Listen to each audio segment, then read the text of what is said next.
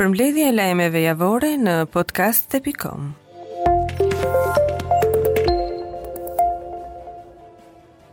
Në mbledhjen e radhës të Komisionit Hetimor për zgjedhjet e 25 prillit, nënkryetari Toni Gogu iu drejtua kryetarit Enkelejd Alibeaj, duke i kërkuar të mbledhë veten dhe të drejtojë komisionin. Gogu i kërkoi që rendi i ditës të hidhet në votim. Gazment Bardhi tha se nuk votohet nga komisioni rendi i ditës, por përcaktohet nga kryetari.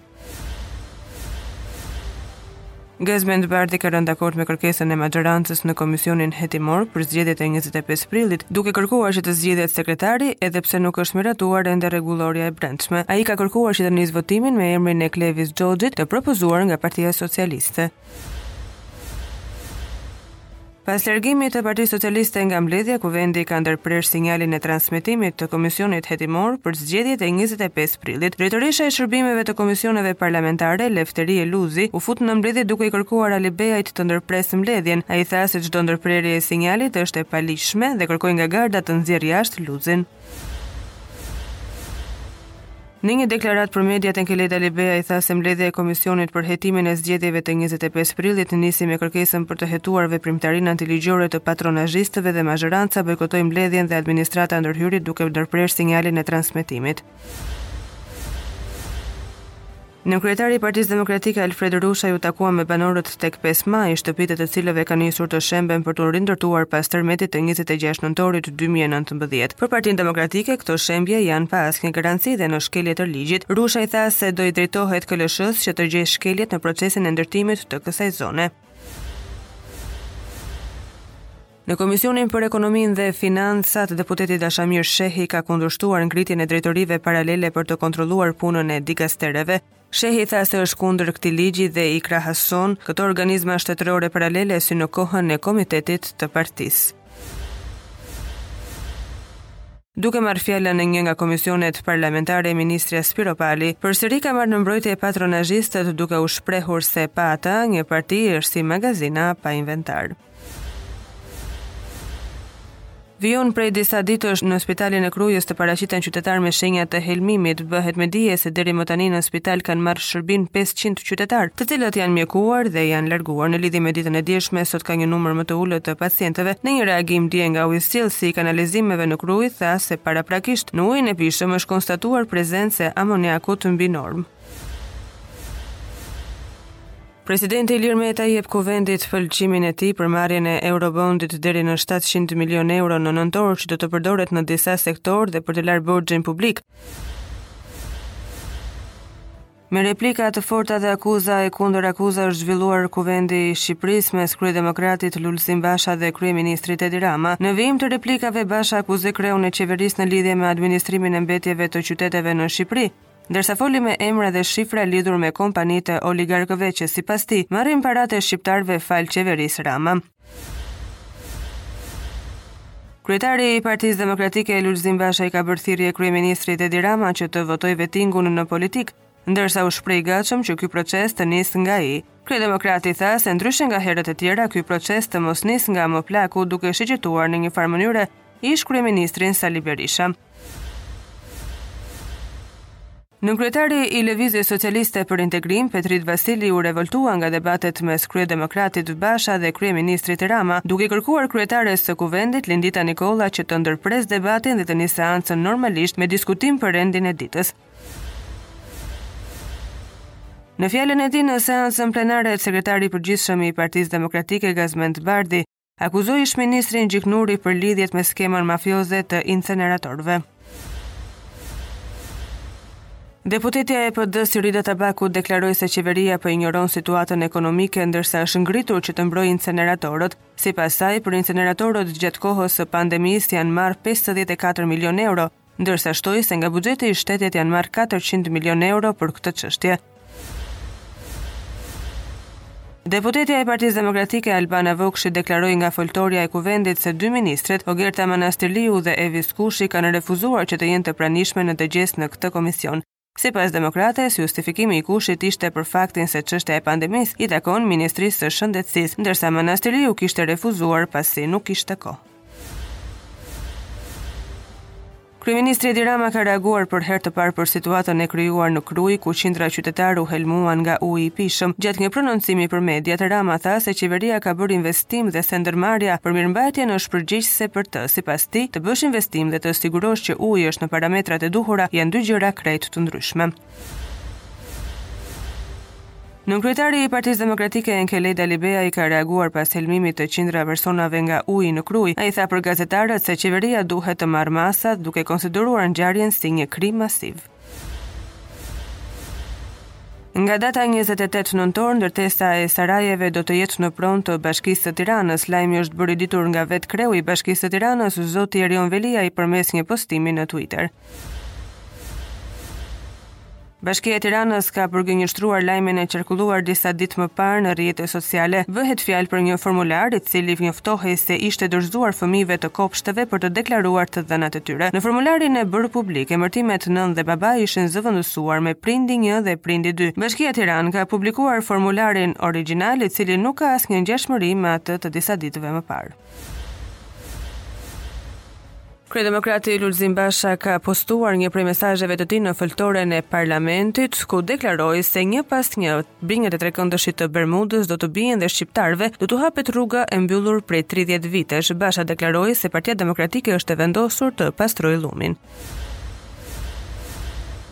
Nënkryetari i Lëvizjes Socialiste për Integrim, Petrit Vasili ka ripublikuar një pjesë nga fjala e mbajtur në seancën plenare në Kuvend. Vasili ka sjellë në vëmendje borxhet e marra ndër vite nga qeveria aktuale, sipas tij, deri më tani janë marrë 2.3 miliard euro borxh.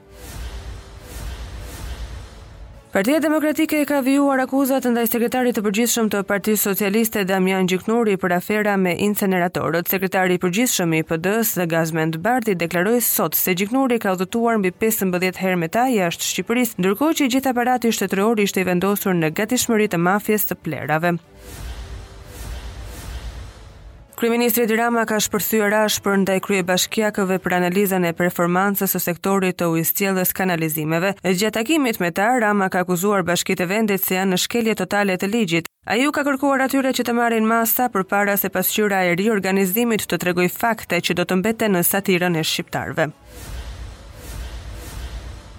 Sekretari i përgjithshëm i Partisë Socialiste, Damian Gjiknuri, në një prononcim për mediat pas mbledhjes së kryesisë së Partisë Socialiste është shprehur se vëmendja është e përqendruar tek partia, pasi është ajo që fitoi zgjedhjet e 25 prillit dhe që reflekton interesat e shqiptarëve. Ai beson se Komisioni i Reformës Zgjedhore do të ngrihet pa asnjë pengesë dhe shpreson se me çështje të përbashkëta do të arrihet një konsensus me opozitën. Nëndrejtori i Institutit të Shëndetit Publik, Dritan Ulqinaku e cilësoi situatën shëndetësore të banorëve të Krujës një epidemi të shkaktuar nga uji si rezultat i ndotjes të ujërave sipërfaqësore nga shirat e rëna para pak ditësh. Sipas tij, kjo ka bërë interceptimin me ujërat e pijshëm në ujësjellësin e Krujës.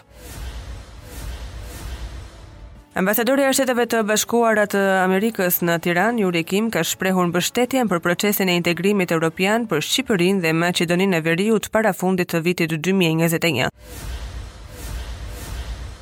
Kryeministri Edi Rama ka dhënë dy lajme për qytetarët, të cilat kanë të bëjnë me dy projekte të rëndësishme. Bëhet fjalë për aeroportin e Vlorës dhe rrugën e Arbrit. Rama deklaron se më 28 nëntor do të hapet kantieri i aeroportit, ndërsa më 29 hapet për qarkullim rruga e Arbrit në të dyja datat, të cilat korrespondojnë me festat kombëtare. Katër tërmete të fuqishme janë regjistruar në intervalin kohor prej një ore në vendin tonë. Sipas Qendrës Sizmiologjike Europiane, tërmeti me magnitudën më të fuqishme është shënuar në njësinë administrative Shupenzë të Bulqizës me 4.7 ballë të shkallës Richter. Më pas në këtë zonë janë shënuar edhe dy paslëkundje të tjera toke me një magnitudë prej dy pikë tetë ballësh e një tjetër me tre pikë gjashtë. Qytetarët janë alarmuar nga tërmetet e rëna dhe përkohësisht kanë braktisur shtëpitë e tyre dhe nuk pranojnë që të futen brenda. Vlen që të përmendet edhe një tjetër tërmet që është me magnitudë dy pikë shtatë i shkallës Richter, i cili është shënuar në Elbasan, thellësia e të cilit ka qenë dymbëdhjetë kilometra. Në tregun e shitjes me pakicë të karburanteve, çmimi i karburantit është rritur përsëri. Këtë fundjavë, Një litër naftë po shitet me njëqind e tetëdhjetë e shtatë lekë duke u shtrenjtuar me dhjetë lekë krahasuar me fillimin e muajit. Në të njëjtën vlerë po shitet edhe benzina me vlerën njëqind e tetëdhjetë e shtatë lekë, ndërsa gazi ka mbetur tetëdhjetë e nëntë lekë. Ky është shtrenjtimi i gjashtë që po ndodh në tregun e hidrokarbureve brenda këtij viti, ku në fillim të tetorit ishte njëqind e shtatëdhjetë e shtatë lekë. Popullsia në Shqipëri parashikohet të tkurret me njëqind e gjashtëmbëdhjetë mijë persona deri në fund të vitit dy mijë e tridhjetë e një për shkak të uljes së lindshmërisë dhe emigracionit. Ky fenomen do sjellë si pasojë dhe uljen e mëtejshme të numrit të nxënësve në arsim të detyrueshëm të mesëm dhe të lartë.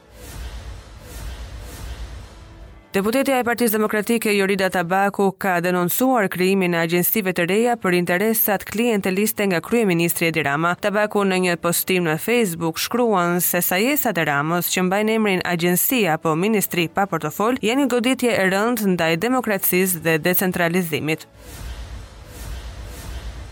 Deputeti demokrat Helidon Bushati ka ngritur shqetësimin për faktin se pas 8 viteve në pushtet Rama ka mësuar se gjendja e ujësjellësave është e rëndë. Ngjarja në Krujë ku u helmuan qindra banorë nxori në pah punët elektorale, pa cilësi dhe të dëmshme të Rilindjes, shkruan ai në Facebook. Me dhjetra qytetarë janë ngritur në protestë ditën e sotme në Krujë para bashkisë pas helmimit të qindra qytetarëve nga uji.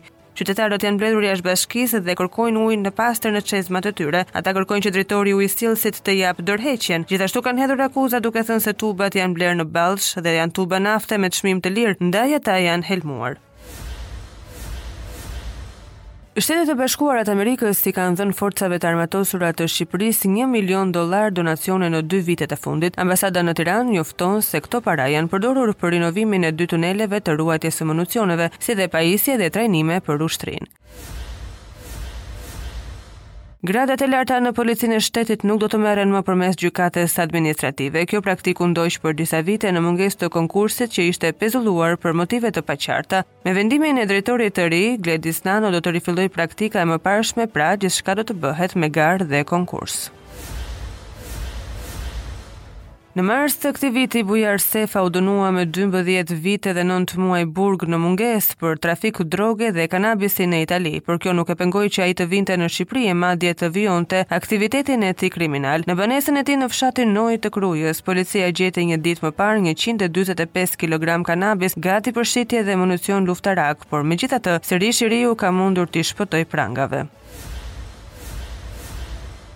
Apeli i Gjykatës së Posaçme kundër Korrupsionit ka lënë në fuqi masën arrest me burg për ish-drejtorin e Radio-Televizionit Shqiptar, Thoma Gëllçi. Ish-drejtori i RTSH-së akuzohet për shpërdorim detyre në lidhje me një tender për blerjen e pajisjeve për kanalin RTSH Agro. Arrest me burg është lënë në fuqi edhe për dy teknikët e Komisionit të Vlerësimit të Ofertave.